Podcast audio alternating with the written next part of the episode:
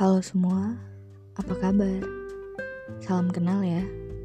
Hari ini tanggal 17 Juli 2020. Gak ada yang spesial sih. Tapi hari ini adalah hari yang hebat.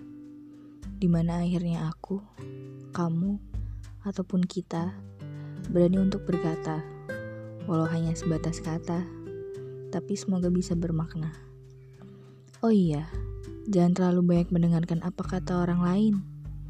Aku, kamu, kita itu hebat lebih dari apa pun. Aku Michelle dan ini podcast pertamaku.